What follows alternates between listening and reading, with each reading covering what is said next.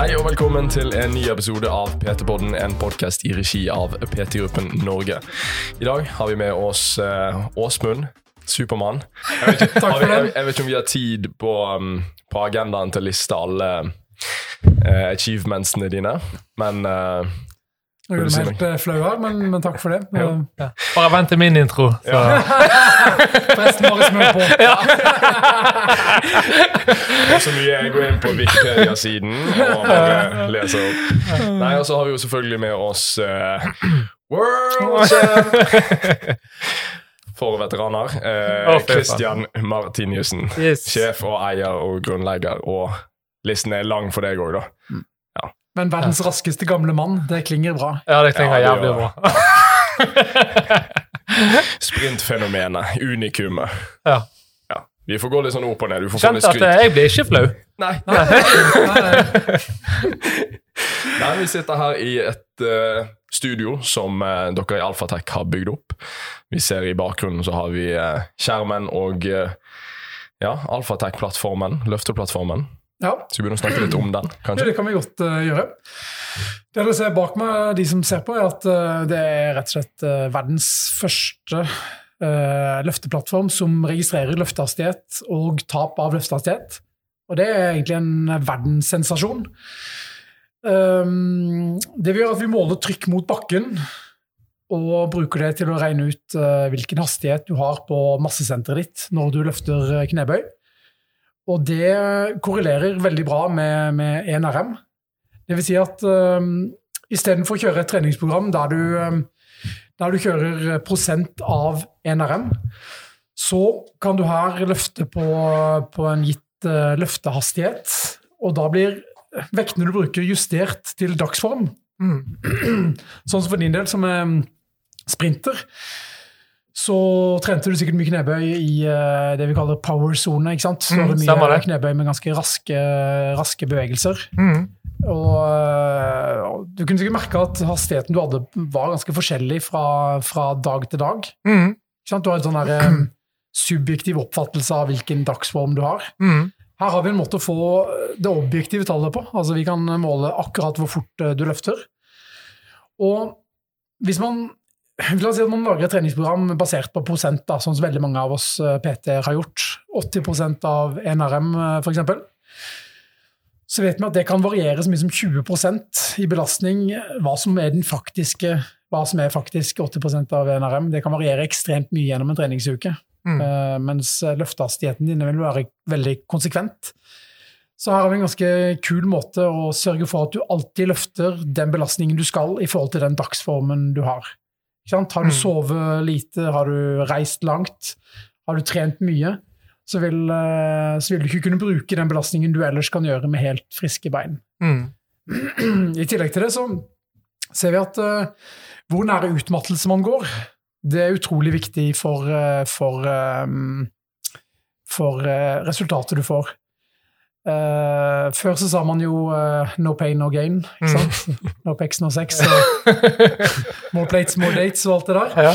Mens nå er det kanskje mer uh, Nå er det mer egentlig sette en strek over det. da. Vi ser at hvis man trener for styrke eller power, Mm. så ser man at man kan øke effekten av treningen betraktelig hvis man stopper i god tid før utmattelse. Og veldig ofte ser man at hvis man stopper mens man har et 20% tap av løftehastighet, så øker man ekstremt mye raskere i eh, styrke og like mye i eh, muskelmasse. Så eh, no brain, no pain. Uh, ja, like mye i muskelmasse. Det var kanskje det som var mest overraskende Ja. der. Altså man, ser, man kan se at uh, I noen studier ser, vi at, ser man at det å trene en litt nærere utmattelse er positivt. Så eh, i vårt system så, eh, så kommer vi til å tillate at du går litt nærere utmattelse hvis du trener for, eh, for muskelvekst. Mm. Absolutt. Um, men for de aller fleste av oss som er ute etter å ha, bygge opp en styrke som man kan bruke til noe, eller for en idrettsutøver da, som Mm.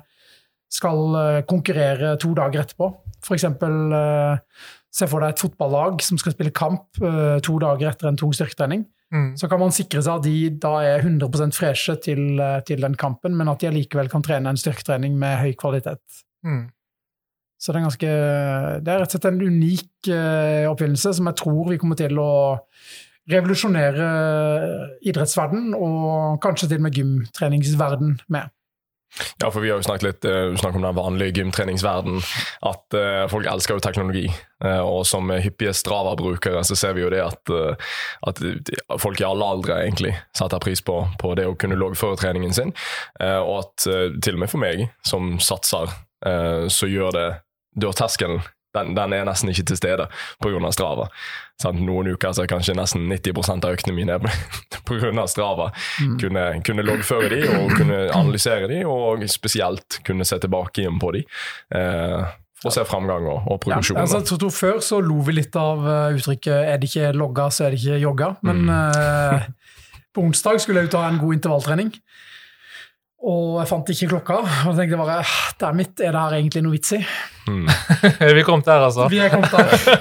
Og uh, sånn kan det bli med, med, med Alfapower, altså med, med, plattformen vår også. at uh, her skal man kunne kjøre konkurranser, her skal man kunne se sine beste løft. Uh, se persene sine, se utviklingen sin.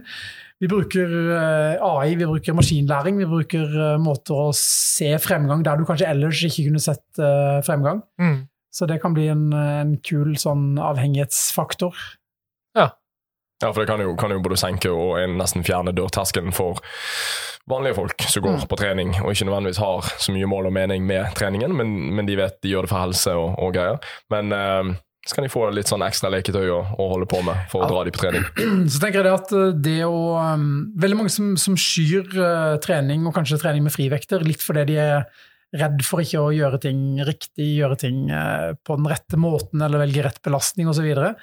I vårt system så kan vi, vi kan se etter hvert eh, om man gjør noe feil. altså Man kan korrigere eh, høyre-venstre asymmetri, eller om man kommer frempå, eller altså tekniske ting kan vi, kan vi etter hvert avdekke. Men vi kan i hvert fall velge dem og velge riktig belastning. da. At folk mm. kan være veldig sikre på at de velger riktig belastning for det de ønsker å å trene. Mm. Og um, jeg tror mange vil bli overraska over uh, at uh, det å gi seg med 20% tap av uh, løftehastighet, det, det, er ganske lite smertefullt. Altså, da har du ikke spesielt vondt. Mm. Jeg tror veldig mange som trener, de har liksom dårlig samvittighet for at ikke de trener hardt nok, for at ikke de pusher seg langt nok. Men det er ikke alle treningene man trenger å pushe, pushe seg helt uh, ut til man uh, griner blod. Altså, man kan, uh, man kan holde litt igjen og likevel øke bra. Ja. Og ser man på forskningen, så er den ekstremt i den retningen. Altså at det å ha flere reps in reserve, som vi veldig ofte bruker, mm. lønner seg. Og her har man en måte å måle reps in reserve på på en helt sånn objektiv, objektiv måte. Mm. Mm. Da skal vi få pump lenger, da, eller? Man kan få pump. Det har et eget pump-program. Ja, da er det. Pumpknapp. Ja. Nei, ikke ennå. Men la meg notere den her. Ja. Nei, men det vil jo gjøre nesten framgang idiotsikkert. Ja, det vil det. Det vil det. Og uh, det høyere nivået du kommer på, jo mer vil du liksom kunne nyttiggjøre deg akkurat den, eh, den uh, sofistikerte delen av, av, systemet som gjør at du kan uh, sikre deg at du trener med rett intensitet og rett grad av mm. utmattelse, mm. som kanskje er de to viktigste variablene for uh, et styrketreningsprogram. Og noe som sikrer deg at du faktisk kan trene så mye som det du skal gjøre. Mm. Det som er litt spennende, det er faktisk at noen av de studiene som er gjort, eh, der man ser at noen går til 20% tap, og noen går til 40% tap av, eh, av eh, løftehastighet, så ser man at de med 20 de ender omtrent med halvparten så mange repetisjoner. Og langt mye mindre diskomfort, men mm. likevel så øker de mer i styrke. Dette må jo gå på at, du, at du, du, får en veldig mye sånn tryggere trening. Sant? For det første har du mye mer kontrollerte reps enn hva du ville ha når du går nærmere mot eh, failure. Men for det andre så har du jo, du har jo knær og ankler, mm. og du har ledd som, som, vil takke deg for at du bruker mm. denne måten å trene på. Ja, altså Man har en sånn risk-benefit-ratio. At man i noen tilfeller kanskje kan tjene på å gå veldig nær utmattelse, men mm. så er risikoen med det liksom så stor at den ikke er verdt eh, at den ikke er verdt eh, den efforten man bruker på det, eller den sjansen man tar mm. med å gå så tungt. Og I tillegg så Mange program innebærer jo at man tester formen relativt ofte. Mm. Altså en 1RM-forsøk eller en 3RM-forsøk. Ja. Og, eh, og det innebærer jo ofte en ganske høy eh, skaderisiko. Mm. Uh, ofte når man trener lag, så ser man at det er ofte noe man egentlig ikke har så lyst til å gjøre. Fordi eh, du vet at sjansene for at en eh, spiller skader seg på en NRM-test er mye større enn den er på en vanlig trening. Mm. Men, Og det å eh, ta maksløft det er jo gjerne en ferdighet i seg sjøl. Og det å ha øvd på Ja, faktisk å ta maksløft. Absolutt, absolutt. Eh, og det spekulerer man faktisk i om uh, Man ser jo en del uh, treningsprogram, som, altså en del studier der man sammenligner høyere reps og lavere rep. Ja. Mm.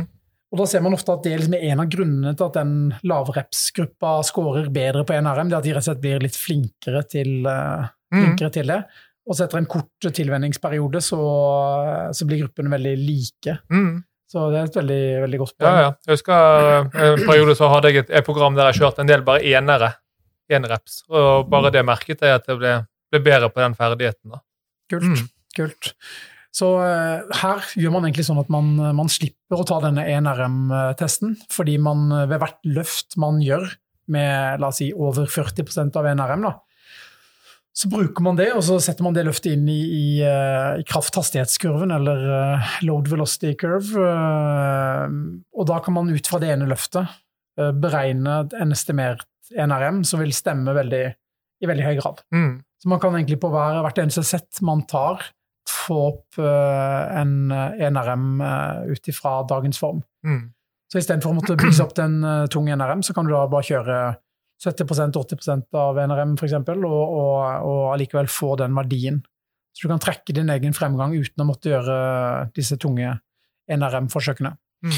Og så følger oppsettet og beskjedene som du får fra, fra alfatek-maskinen, så vil du også kunne ha mer Altså du, du skal også kunne få beskjed om hvor lang restitusjonstid du har etter et, gjenn- en gjennomført økt. da. Mm, Ja, og det, og det som er litt spennende, særlig i løpet av økten også, da, så uh, vet man jo at, uh, at pauselengde kan være veldig avgjørende for, uh, for hvilket resultat økten gir. For kort pause gir jo nesten alltid dårligere resultater fordi man ikke er restituert nok. Mm. Men hvis man trener med mange reps in reserve, så trenger man jo da mindre, mindre pause. Um, og det vi gjør, er at vi bruker da hvor nære utmattelse du er kommet. Det måler vi jo med hastighetstap. Og hvilken belastning du bruker. Det måler vi jo med absolutt løftehastighet målt i meter per sekund. Mm. Det bruker vi de to til å beregne da hvor lang eh, restitusjonstid du har mellom seriene, sånn at du kan Mm. få opp en ganske ideell pause. Det gjør at du kan trene gjennom treningen eh, så effektivt som mulig, men allikevel sikre deg at du har nok pause. Mm. Så det blir en eh, mini- mini-PT på en måte. Steike, er det egentlig en utfordrer uh, for oss i PT-klubben? Nei, det er et veldig fint virkemiddel for en PT å bruke sammen med, sammen med Ja, klienten. Hentet deg fint inn igjen der. Gjorde det? så, men i forhold til um, Når jeg har hatt programmer i forhold til friidretten, da, så har jeg likt sjøl også å ha styrketreningen etter en sprintøkt. Og da så ofte syns jeg det har vært vanskelig å vite hvor, eh, hvordan den sprintøkten har påvirket meg da, i forhold til styrkeøkten dagen etterpå. Hvordan kunne jeg brukt dette i forhold til, til det, da? Jo, eh, Johnson Weekly har akkurat gjort, eh, publisert eh, en sånn metaanalyse på bruk av, eh, av hastighetsstyrt, eh, hastighetsstyrt trening i, Mm. i treningen eh, av lag og idrettsutøvere. Og det han eh, fokuserte på der, det er liksom at eh, fordelen med å måle løftehastighet, det er at eh, den tar hensyn til om du er utmatta, eller om du er sliten, eller om du har en dårlig dag. Så hvis du da har utøvere som, som er i ulike faser av treningsuken sin, eller har spilt kamper osv., så, videre, så kan du allikevel sikre deg at de velger rett belastning. For eh, når du kommer ned til 0,5 meter per sekund, Mm. så, så er du på den riktige neuromuskulære belastningen som du skal ha den dagen. Enten det da er 70 kilo på stanga eller 140 kilo på stanga, så er det den belastningen du skal ha på det settet. Så du får på en måte en sånn fasit da, i forhold til hvilken belastning du skal ha. Mm. Og den tar jo da hensyn til at du har løpt eh, sprintøktene først. Mm. I motsetning til et prosentbasert program som er basert på en, eh, på en NRM eh, du tok når du var i superform, oppkarba etter kebab dagen før. Ja, ja, for da har du gjerne eh, ladet opp til den testdagen, da. Men da faktisk gjennomfører treningen, så har jeg en sprintøkt i beina fra dagen Ja, ja. før. Og det har vært vanskelig å vite hvordan man skal ja. Så la oss si at din 80% av NRM i, i bøytypen du kjørte, at det var 160 kilo, så vil det da egentlig kanskje, egentlig, kanskje 140 burde vært eh, vekten du burde trent med, ikke sant? Mm. Fordi du var sliten. Mm. Og eh, det vil man med å måle løftehastighet og autoregulere etter det eh, ta hensyn til. Jeg skulle hatt dette for ti år siden, jeg. Tidsmaskinen. ja. Men det er aldri for sent med et comeback, er det det? Nei, vi får se, da. Nå må vi teste det ut. Eh, I forhold til Syns jeg den var veldig behagelig. Følte meg litt som Joe Rogan. Ja, ja.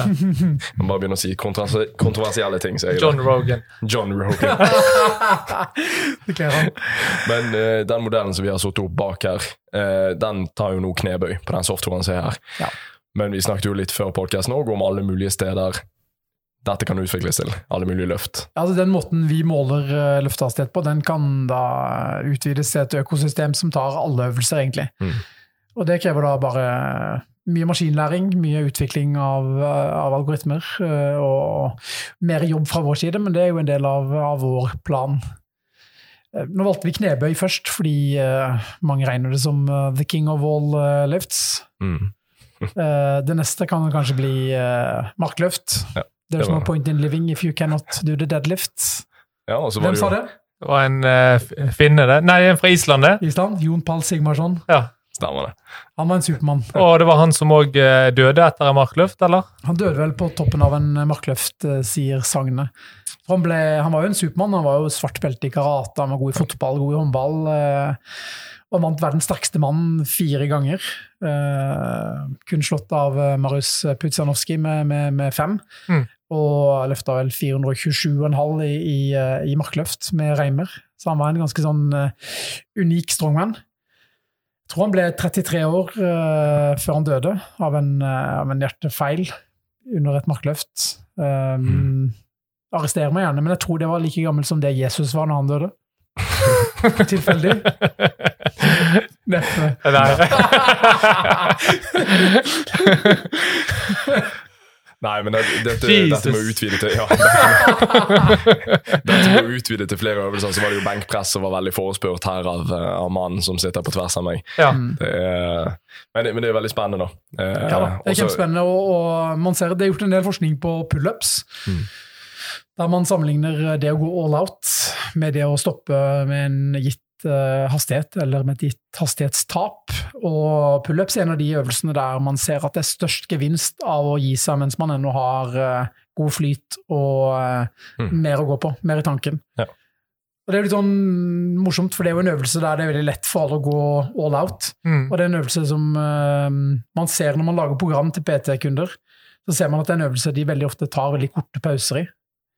Fordi de, de bare griper stanga igjen, og så drar seg opp på en måte. ikke sant? De har Mm. uh, vanskeligheter med, med Så det, det, det er en øvelse jeg tror vi har mye igjen for å autoregulere og hjelpe klienten med å gjøre de riktige, riktige valgene. Mm.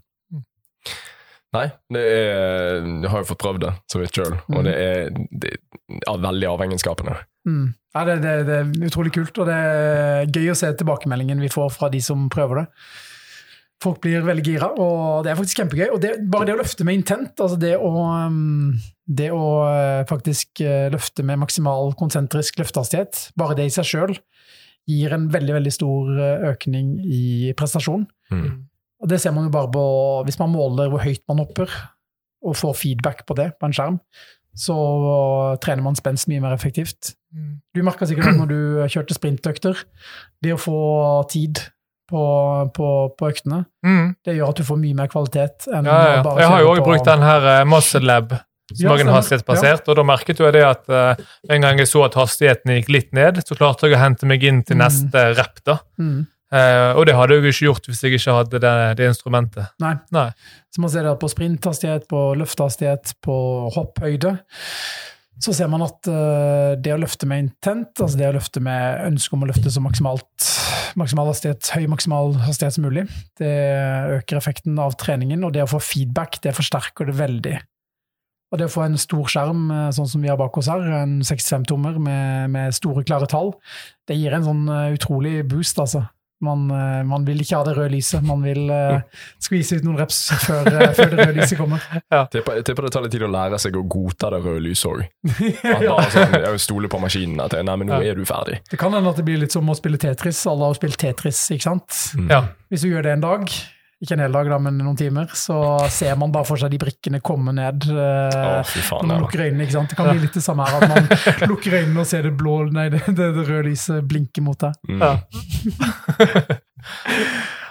Nei, men det, er, um, det, som, det, som, blir veldig spennende med dette, her er jo å se idrettsklubber og, og sånt som der en fysisk trener har ansvar for flere utøvere. Og se hvor, hvor, mye lettere det blir for de å ha kontroll på både at utøverne får lov til å stå alene og gjøre dette, og at de har en skjerm som faktisk, der de får beskjed om hva de skal gjøre. Så det blir mye lettere for de å, å følge opp uh, en større mengde med utøvere. Selvfølgelig. Altså, her kan du ha uh, ti mann inne på, på knebøyøkt. Uh, to og to på hver plattform, og alle kan trene med akkurat den intensiteten, akkurat den grad av utmattelse som de, de skal. Mm. Og I lagidrettene ser man jo ofte, så ofte ser man det at de er veldig flinke til å pushe seg sjøl, altså utøverne. Og kanskje litt for flinke. Mm. mm. De konkurrerer litt med hverandre, de er litt opphengt i tallene.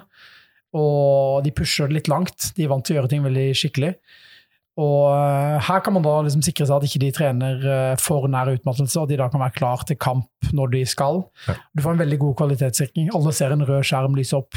Alle skjønner eh, at det betyr, det betyr stopp. Mm.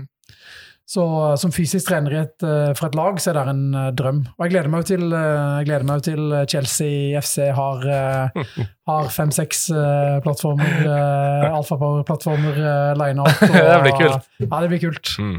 Det blir antageligvis det som skal til for at de tar gull igjen. Ja. jeg gleder meg enda mer til uh, vi skal få denne på senteret vårt i Bergen snart. Ja, det blir, det blir kult. Vi gleder oss til å både få den på i det nye PT-senteret i Bergen. Det tror jeg kommer til å se rått ut. Mm. Så vi gleder oss til å få det på, på SIS sportssenter her i Stavanger. Mm. Så eh, vi, vi, tenkte vi bare kunne legge press på, på alle sentrene med en gang. Så for alle de som hører dette her og har lyst på dette her, og skjønner hva dette går ut på, så bare gå i resepsjonen og, og send mail til, eh, til daglig ledere og si at dette her må vi få på plass.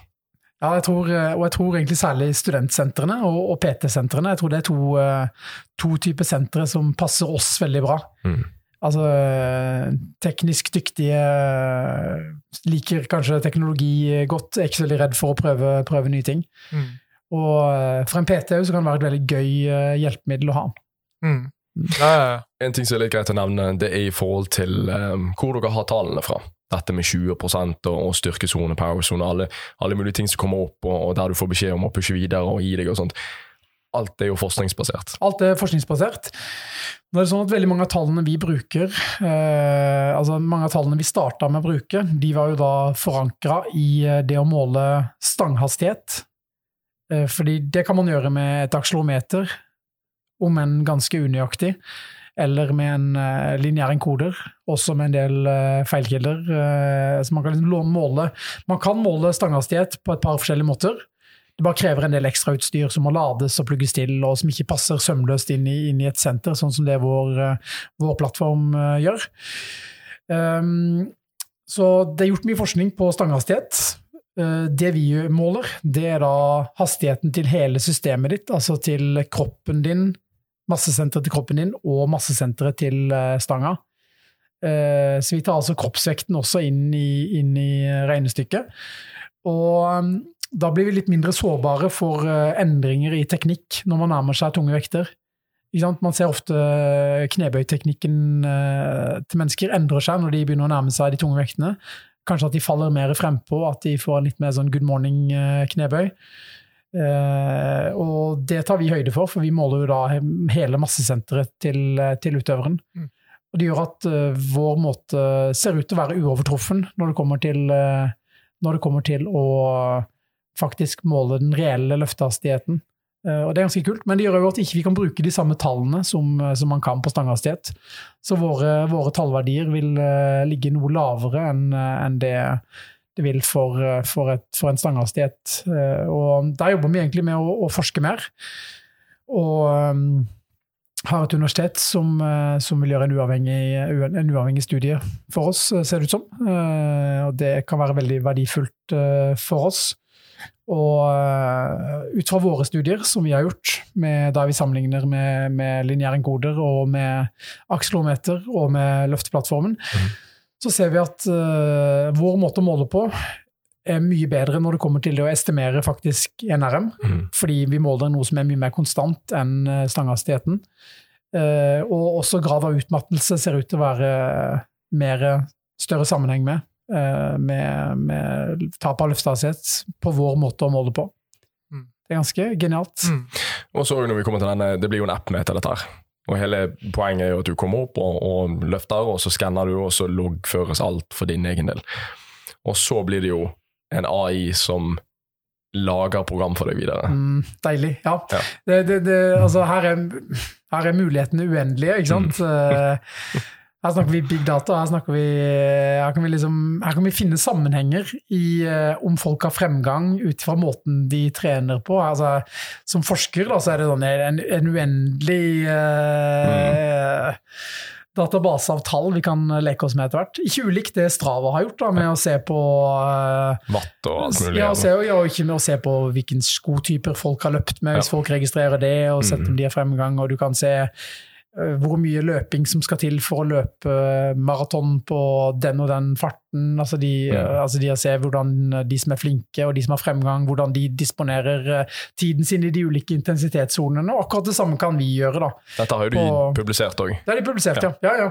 Uh, og, og, de gjør det fordi folk logger jo all sin løping på, på, på Strava. Og så lenge utøveren da vil logge mesteparten av sin eh, knebøyløfting på eh, Alfa Power, på plattformen vår, så, eh, så, kan vi også dra masse data ut. Og det er jo nyttig for oss. Det er nyttig for en forsker som vil si noe om hva som skal til for å bli sterkere. Men det kan jo ikke minst være jæklig gunstig for uh, Jæklig er lov å si, ikke sant? ja, ja. Dreit, nei, Så, nei, nei. John Rogan der, han rynka litt. Ja. um, jeg vil ha mer. nei, altså for, for, den enkelte da, så vil man da kunne se hva som funker for akkurat du. Og det blir jo kult. Altså, du, vil, eh, du vil se hva som fører til fremgang. Du vil få en kurve over eh, din estimerte NRM, og du vil kunne se når det går bra, når det går mindre bra. Mm. Og du kunne tilpasse programmet til det. Så der er det uendelige muligheter mm. uh, med maskinlæring og AI. Mm. Jeg har ikke lyst til å trene uten. Nei, ikke jeg heller. det går faktisk snart ikke an. Nei. Nei. Jeg føler meg avhengig allerede. Ja, kult, og jeg har kult. ikke kjørt en øksbane. kult. Kommer det opp sånn graf for hvor mye proteiner du må få i deg etterpå? Skal notere det om på lista. lista. Hvor mange propud må inntas etter ja. økten? Ja. Hvor mange liter med yt skal jeg drikke? Ja, Så kommer det ferdigmikset i en maskin ved siden av. det stemmer, det. Alle plattformer kommer med en kokk. Ja. Alfa Way. Ja. ja. Dritbra. Nei, men vi tenkte òg Du er jo um, Nå har jeg brukt unikum allerede på, på sprinteren her borte, men, men, du er jo et unikum på veldig mange forskjellige plattformer. Um, plattformer. Men uh, jeg tenkte vi skulle snakke litt om concurrent training. Ja. Ja, det, det, er, jo, det er, jo, kanskje det, det er mitt favorittema uh, innen idrettsfysiologien. Uh, altså sammenfallende kondisjonstrening og styrketrening. Mm. Det er noe som jeg syns er utrolig kult. Mm. Um, jeg var jo en Jeg drev jo og løfta veldig mye tunge ting når jeg var ung og lovende. Ja, Skulle du ikke tro det? Nei, skulle Nei. ikke tro det. Så gikk jeg for lange, slanke muskler. Ja. altså, jeg, jeg, drev jo og løfta veldig, veldig tungt. Eh, blant annet 240 kilo i benkpress, blant annet uten utstyr osv. Det var for toning, var ikke det? Ja, ja, det var ja. Så um, jeg likte jo å løfte, løfte tungt, uh, og syntes det var veldig kult. Og følte meg jo ganske sterk.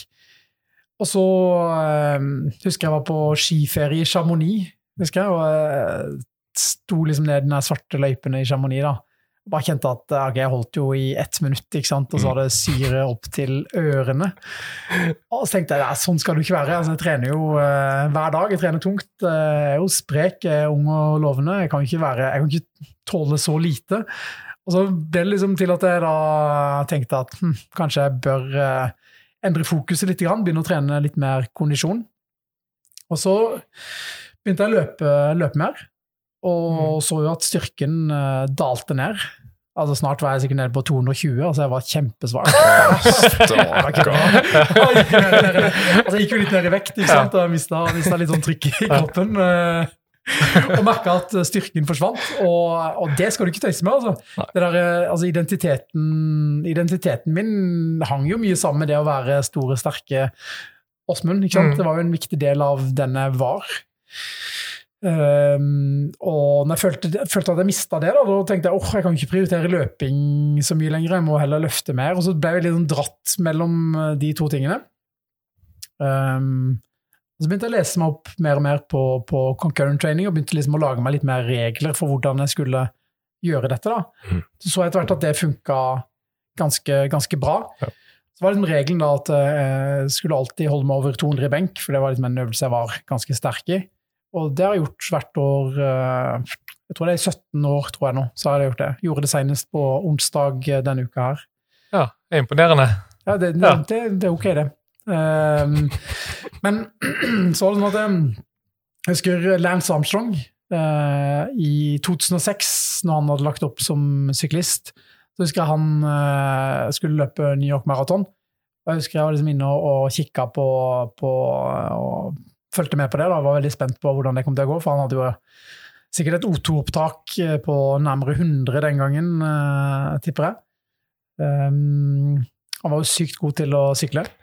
Og han kom i mål på to timer, 59 minutter og 36 sekunder. altså rett under tre timer. Eh, og det er jo ingen sånn spesiell supertid sånn i internasjonal sammenheng, fordi nå har jo Eliud Kipchoge løpt eh, maraton under to timer uh, på et tidsforsøk. Så, eh, men det var da det Lance Armstrong sa etterpå i et intervju, at det var det hardeste fysisk han hadde gjort eh, noensinne. Det var å løpe New York Marathon på rett under eh, tre timer. Mm. Og da, da begynte liksom å regne litt da, på mm, minutter per kilometer og, og sånn, og så tenkte jeg hm, det er faktisk ikke helt uh, uoppnåelig å klare det. Så da satte jeg meg mål at uh, en eller annen gang så skal jeg løpe maraton under tre timer. Mm. Breaking Sånn som- three. Sånn som Lance. Ja. Og så eh, skal jeg fremdeles eh, løfte, løfte over 200 i benk eh, på, på samme, samme året, da. Det kan vi vel gå god for at det jo ikke Lance. Lance gjorde vel ikke det. det. Nei, det er ikke det jeg har sett, i hvert fall. Nei. Ja, og Har du oppnådd det, eller jobber du mot det Jeg jobber, jobber mot det nå. og uh, det- Det nærmeste har vært, er vel tre timer og åtte minutter, så jeg er vel åtte minutter unna. Men i år så, eh, så har det vært et år med litt mindre reising og sånn, så jeg tror kanskje at uh, 2021 så blir det året der jeg slår til og, og klarer en maraton under, eh, under tre timer. Så Og det- samtidig løfter 200 i bank. ja, men det er allerede gjort, altså. Det kan jeg krysse av for, Ja, ok. denne, for denne gang. Og, altså, det er klart at det periodiserer jo litt, grann, da. Altså, nå er jeg litt tyngre Mm. nå enn det jeg vil komme til å være på en, eh, på en løpsdag. Kanskje veier sånn 89-90 kilo nå, mens jeg på en eh, maraton kanskje vil veie 82 kilo, eller noe sånt. Mm. Så For min del så ser det ut som at det er ca. to sekunder per eh, kilo. To sekunder per kilometer per eh, kilo kroppsvekt ser det ut til å, å stemme ganske bra med. Uh, dere sprintere er ikke så sårbare for akkurat det med, det med vekt, er dere det? I forhold til kroppsvekt? Ja. Jo, jeg vil jo tro at vi, vi er litt sårbare, vi òg der. Mm. Mm. Altså, jeg lurer Altså, man tror at det er i til relativ styrke, da. ja. Mm. ja, det er sant, men, men Usain Bolt var ganske tung, var han Jo, ikke det? Sånn det stemmer. 94 kilo, syns jeg har, uh, har lest. Jo, det Ja, I stemmer. 2008 da begynte, i hvert Mm. så var han 94, og så gikk han Mm. vel ned til 86, tror jeg, i siste i Rio, tror jeg Mm. okay. Men allikevel så er du vanvittig mye tyngre enn mange andre. Ja, det er en solid Til tross for eh, høyden sin, så var han fortsatt veldig tung. Ja, Mm. og vi har jo sett et par av, eh, av de andre sprinterne. Linford Christie, Mm. Arthur Bolden. eh, De er jo ganske, ganske velbygde, velbygde menn. Absolutt. For ikke, å nevne, for ikke å nevne Christian Martinussen Ja. som har Selvfølgelig, selvfølgelig. peksa bare popper ut. Nei, men det, men det var jo det, Du snakket jo om det egentlig tidligere i dag òg, i forhold til dette her med å kunne finne Du har gjerne lyst til å være lett, men du har ikke lyst til å bli så lett at du begynner å tape styrke. For da begynner det å bli et problem. Mm. Mm. Og jeg tror til og med i langdistanseløping så tror jeg man når en grense der man ikke nødvendigvis tjener så mye på å bli lettere. Mm. Uh, Sondre Nordstad Moen har i hvert fall uttalt det, at han prøvde å bli lettere og, og gikk ned en god del kilo. Uh, og fikk dårligere prestasjon. Tror kanskje man blir litt lettere syk, man får litt mindre Mm. overskudd, uh, kanskje litt mindre kvalitet på, på treningen. Mm. Og jeg tror Therese Johaug er vel også tyngre nå enn det hun har vært, eh, vært tidligere, syns jeg jeg, har, jeg eh, har hørt. Sykling er jo veldig enkel der, for der ser du på, på watt per kilo kroppsvekt. Eh, hva du klarer å produsere mot hva du veier. Så vi får et ganske sånn fasitsvar på det. Mm. Ikke like lett alltid på løping. Og, og Nei, selv om det er kommet måter å måle watt på på, på løping også. Ja, Eller man, er, man, er, man har en sånn liten fotpod, eh, Stride er vel kanskje den mest eh, kjente. Mm. Den er helt uh, super.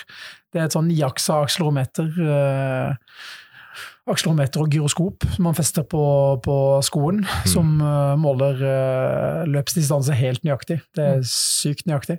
Knalltøft. Uh, og da gir en sånn eh, watt som man da kan løpe etter for å løpe, løpe med flat intensitet. Mm. Som da er et veldig eh, viktig for oss som løper, eh, løper langt. Det er jo noe det norske triatlonlandslaget utviklet sjøl òg. Ja. Og fant ut at dette, dette er vi nødt til å gjøre, for det er, å løpe etter puls og, og sånne ting er nesten håpløst i forhold. Ja, pulsen kommer litt, litt seinere enn det intensitetsøkningen gjør. og jo, jo færre sånne ups and downs du har i, i intensitet gjennom et løp, jo, jo bedre vil du holde. Mm. Så eh, en flat maraton, da, der man løper veldig flatt eller har veldig jevn intensitet, vil jo alltid være veldig foretrukket. Så når jeg løp, eh, når jeg løp den 308-turen min, da, da eh, løp jeg frem og tilbake mellom to rundkjøringer på Forus. eh, helt flatt. det med uendelig mange runder. Kontrollmålte på forhånd da, og satt opp start og mål. Så, men det funker, funker, ja. det, funker det òg. Så ta oss så vidt gjennom en uke for deg, da, med trening. Hvordan du justerer litt fram og tilbake. Sånn, for min del så, så prioriterer jeg egentlig alltid styrketreningen uh, først. I motsetning til uh, det du gjorde når du Mm. løp, så, så, så føler jeg liksom at, uh, føler at styrketreningen ødelegger mindre for løpingen enn løpingen ødelegger for styrketreningen. For det med concurrent training, det, det, er, jo to motsatte, det er jo to motsatte prosesser. Mm. Altså, den ene vil at muskelen skal være liten, lett, ha høy eh, konsentrasjon av mitokondrier, ikke sant? Du vil ha liten muskelmasse. Mens når du trener tung styrke, så vil jo muskelmassen da øke, og det vil bli langt mellom mitokondriene, disse kraftstasjonene som gir, eh, som gir energi til musklene. Og kroppsvekten vil øke, og det vil jo være negativt for eh, løpsprestasjonen. Mm. Så det er jo egentlig sånn to ytterligheter, to ting som jobber litt i, mot hverandre. Eh, før trodde man at det var liksom umulig å, å, å, å kombinere det. Det var særlig én studie, som var den første concurrent-studien. Den uh, viste et sånn dramatisk fall i uh, styrke, uh, eller styrkeutvikling, på, på en gruppe som kombinerte kondisjonstrening og styrke. Og man ser at I de senere studiene som er gjort, da, så ser man at det ikke nødvendigvis skjer, hvis man bare er flink til å disponere de to uh, tingene mot hverandre. Mm. Og Det kan være litt på, på at man periodiserer, altså at man i perioder eh, prioriterer den ene. Det kan være en sånn blokkperiodisering som, eh, som mange, mange liker. Uh, Men det er jo intensitetsreguleringen. Hvis man unngår å løpe sånn lapskausløping, som, uh, som mange mosjonister gjør, da, at man alltid løper på sånn 80-85 av maks på hurtige langturer, Mm. og det er det man gjør, da vil det gå utover eh, styrken, knebøystyrken i stor eh, grad. Mm. Eh, mens derimot veldig rolige turer, eller eh, intervalløkter på, på terskel, Ja. ser ut til å være mye mildere og mye lettere å kombinere med, med løfting. Mm. Og så vil det da være det samme med løftingen, at eh, hvis man stopper mens man har mer reps i tanken, så får man mindre utmattelse, mindre sånn sentral utmattelse, kaller vi det. Altså Mm. at nervesystemet blir mindre nedregulert. Og da vil man prestere bedre på løpingen igjen. Så man lærer seg liksom å, å måter å kombinere det på. Jeg tror, Uansett så tror jeg man snakker jo ofte om sånn mixed signaling. At eh, den ene, si, ene aktiviteten sender signal om, én respons, og den andre sender signal om en annen respons. Altså de Mm. vil to forskjellige ting. Ja. Men jeg tror kanskje enda viktigere tror jeg er um, at uh, at, at Du kan se på hvor mye krefter du har til å, å trene. Det kan kanskje være et vannglass. ikke sant? Mm. At uh, Hvis man heller ut en halv liter styrketrening i løpet av en uke, så, så er det en halv liter igjen til løping, og når det er tomt, så har du ikke mer. ikke sant? Og Hvis du da tømmer hele glasset på løping, så er det ingenting igjen til styrke. Jeg tror liksom organismens totale evne til å, til å takle trening tror jeg er veldig viktig.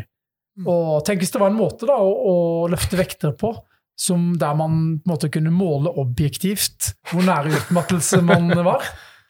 Ja. For eksempel, la oss si en, en, en plattform som man sto på og tok knebøy, og så fikk man et rødt lys når man hadde nådd 20 Ja. av uh, hastighetstap. Det hadde vært noe. Det hadde vært helt Ja. sykt fett. Da må du bare ta på meg. Det, det, Det skal er jeg skrive bak øret. Neida, så, så, så veldig mange av de tingene som jeg gjør, da, det er jo det å stoppe med mye reps i tanken. Ja. Altså Styrketreningen min er kanskje lagt opp på den måten at jeg har eh, relativt høy treningsfrekvens. Jeg trener hver muskelgruppe ganske ofte. Mm. Um, og så eh, kjører jeg da ganske mange serier, men relativt lav grad av utmattelse. Mm. Så øhm, jeg prøver liksom å, å ha mye reps i tanken hele veien. Mm. Og da føler jeg meg egentlig like fresh når jeg er ferdig med økta som når jeg, når jeg starter. Det funker, øh, det funker relativt bra. Så Du har holdt på med dette her ganske mange år nå. ja, jeg har egentlig det. Jeg, har, jeg jo øh, Jeg drev med løping før jeg begynte å løfte, da, og kanskje derfor kjærligheten til løping blomstra opp igjen. Mm. Men jeg kjøpte jo vekter for konfirmasjonspengene mine, og installerte hjemme i, i kjelleren hjemme. Så um, Ja, for, for disse 240 de ble jo ikke tatt av seg sjøl. Nei, det, det krevde egentlig veldig mye, veldig mye øving, da. Ja. Eh, jeg fant jo ut når jeg var eh, liten kid, så fant jeg ut at eh, så for Jeg var en liten, liten tjukkas som var veldig dårlig i gym, det må jeg, det må jeg innrømme. Jeg tror gymlærerne mine, hvis de hadde sett hvis de hadde, hvis de hadde sett, sett meg nå, så tror jeg de hadde vært overraska. Si sånn. Ja. Jeg ville egentlig helst ikke Jeg var, veldig, jeg var ikke noe god i sånne fysiske ting. Nei. Og um, det var når jeg var kanskje rundt 13-14 at jeg tok min første løpetur. Mm. Da husker jeg min farmor uh, var med meg.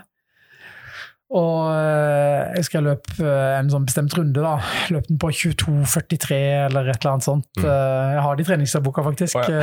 men, men det var noe rundt der. Jeg husker farmor gikk, og hun gikk omtrent like fort. det var ekstremt dårlig, da. Men, men dagen etterpå så, så løp jeg en gang til, og da var det vel, nesten et minutt raskere. ikke sant? Dagen etter der så var det 20 sekunder raskere, et halvt minutt raskere. Og så løp jeg hver dag i to år da, etter det. Og da ble jeg ganske god til å løpe. Mm. Eh, og så falt jeg litt for den der, den der gøye fremgangen. da. Det der å eh, ja, det der å, å hele tiden se at du går fremover når man øver. Mm. Så brukte jeg egentlig akkurat samme til styrketreningen. Da, at eh, Det er egentlig bare å legge, legge sjela si litt i det. Når jeg skulle trene mot benk, så var det og Det ble veldig viktig for meg. Når det ble en, en sånn ting som jeg hadde lyst til å virkelig bli god i. Så sånn at hver eneste oppvarmingsløft, bare med stanga, så la meg ned akkurat samme måte, løfta av på akkurat samme måte, pusta på akkurat samme måte. Altså repeterte til det Ja, prøvde, Mm. prøvde å få det perfekte til og med på, på lette vekter. Og det følte jeg egentlig var eh, en stor bidragsyter til det å i tillegg til at alt ble loggført, da. alt ble skrevet i treningsdagboka og ja. liksom kikka over og, og, og prøvde å finne ut hva som funka og hva som ikke funka. Mm. Hadde jeg bare hatt en AI den gangen som kunne hjelpe meg å finne det, så hadde det vært helt uh, sjef. Det er jo dette jeg går tilbake til litt av der eh, at folk har brukt uh, 'practice makes perfect', som jeg ikke er særlig enig i. Men 'perfect practice makes perfect'. Mm.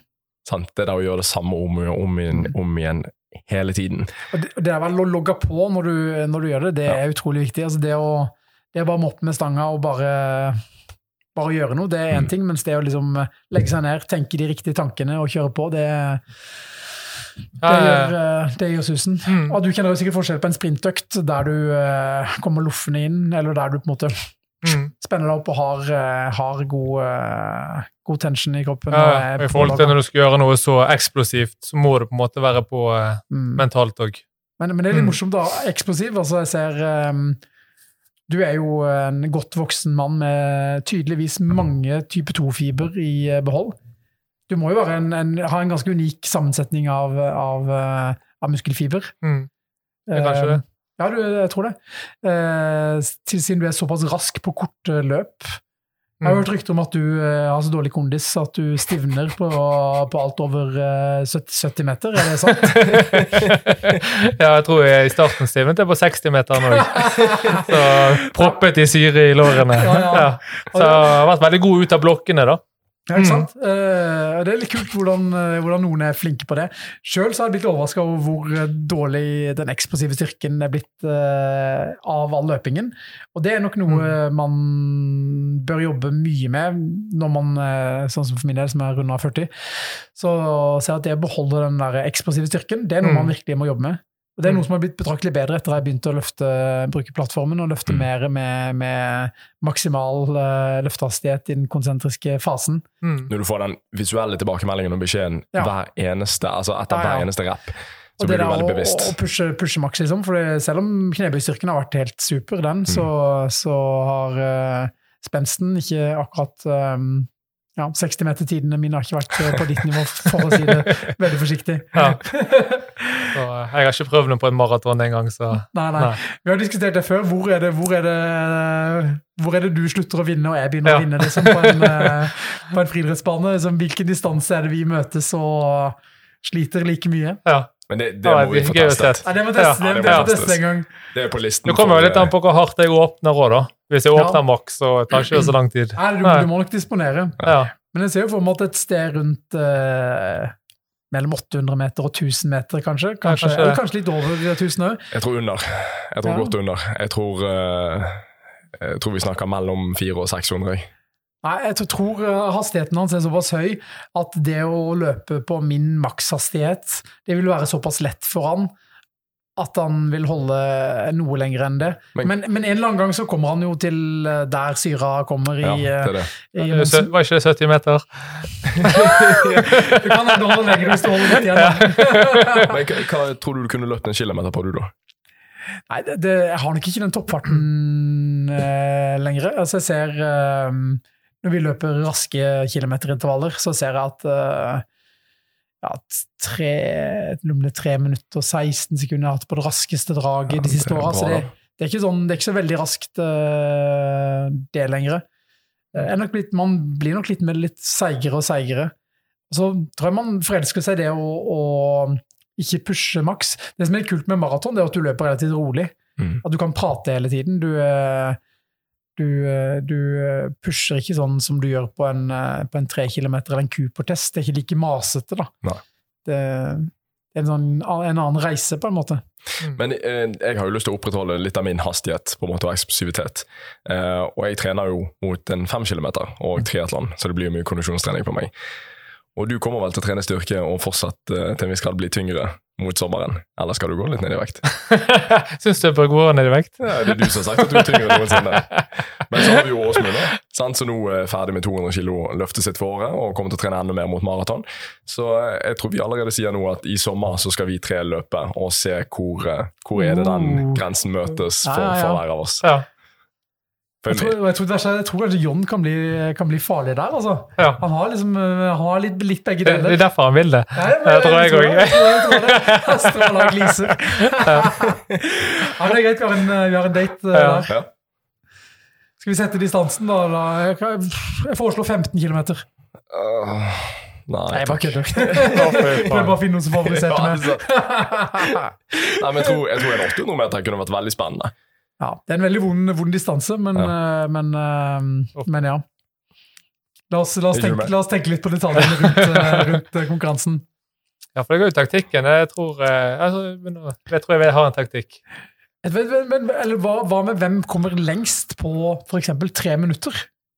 Ja, den er grei. Det er ganske kult. Ja, mm. den er fin. For det blir en litt sånn annen taktisk eh, disposisjon. Ja. Mm. ja. Jeg tror kanskje jeg skal bare ligge med bakerst og så ser vi om jeg har noe spurt igjen mm. til slutt. Åh, Jeg kjenner jeg blir gira nå, jeg. Ja, kjenner jeg blir mest nervøs. liksom. Ja. Og om hele treningsprogrammet. nå. Bare Den konkurransen blir det viktigste som skjer i sommer. Jeg tror vi må vente litt med å plassere den uh, alfapower-plattformen oppe i Bergen. Ja. Prøver å ødelegge for konkurrentene med en gang. Ja. Nei, kult. Vi har en, ja. en date der. Stilig. Ja, bra. Mm. Ja, men hvis vi legger litt konkurranseinstinktet til siden, da. Eh, også, nå er vi jo i Stavanger. Vi er på tur, meg og Kristian og Magnus er fra Bergen. Eh, nede og besøker Åsmund og, og Siss og Aktiv og Ålgård og, og, gjengen her nede. Um, så har vi jo en liten drøm og en liten plan om å få til et PT-senter i Stavanger. Mm. Nå har jo vi to PT-sentre i, i, Bergen, så Stavanger er det vi ser for oss er, er neste byen vi vil ha vårt eget senter i. Mm. Det er jo marked for det her nede? Jeg tror det. Jeg tror, eh, jeg tror Stavanger definitivt er moden for et, eh, et PT-gruppen-senter. Mm. Jeg tror, ja, tror, definitivt mange hadde satt pris på muligheten til å, å, trene på et senter der det ikke er veldig mye andre medlemmer, der du mm. har litt mer privacy, der du har kanskje litt mer personlig, personlig preget. Mm. Absolutt. Det har jo fungert veldig godt i Bergen. Mm. Det er en drøm å jobbe på. Mm. Jeg kjenner at jeg gikk glipp av noe der ved å ikke kunne jobbe på et PT-senter. For å fortelle de som, de som hører på nå, så er jo PT-sentrene våre de er ingen medlem som har spår. Det er bare PT-kundene som har PT-timer med PT-ene. Mm. Og den prosessen med, med nå å få i gang eh, vårt nye PT-senter i Nygårdsgaten i Bergen, har jo vært, eh, det har vært stas. Det har vært gøy. Det er jo det vi tror er Norges råeste PT-senter. Mm. mm. Det, ser, det, ser, ut som det er blitt uh, helt ja. uh, sykt kult, altså. Mangler prikken over i nå. Ja, den kommer. Ja. Så å gjenta den prosessen her nede, det hadde vært, det hadde vært veldig gøy. Nå har dere lært alle feilene der oppe, ikke sant? så nå kan vi bare ta det, ta det et sted videre og gjøre det helt perfekt der nede. Ja. Sånn at Hvis det er noen som har lyst til å være med oss på, på den reisen og har lyst til å være med på, på et senter sammen med oss, så uh, er det bare å gi oss en lyd. Ja, mm. Send oss en melding på Facebook eller på Instagram eller på mail. Men uh, vi er iallfall uh, eh, vi er moden for det. Mm. Så hvis det er noen andre som føler at de uh, enten har lyst til å samarbeide eller, eller jobbe der, så mm. er det um, ptgruppen.no. Oh, yes! Yeah. Nei, men da sier vi takk for oss. Tusen takk, Åsmund. Jo, takk selv. Tusen takk, Unikum. Det var mye unikum i den der uh, Sprintlegenden. ja. er du fornøyd nå? Er du lei av det unikumet nå? ja, jeg ville ha et annet superlativ nå. det var litt mangel på superlativ i forrige ja. podcast, så det var litt sånn Ja, må hente igjen, da. Bare Hvis Kristian lager en liste over de superlativene han vil ha med, så kan ja. Føye det inn her og der. Ja. De står jo i den stillingsbeskrivelsen din, så Det var i kontrakten for å starte var sånn, Jeg skal ha skryt. Ja. Ja, men Veldig bra. Tusen takk. Takk. Så snakkes vi i neste episode.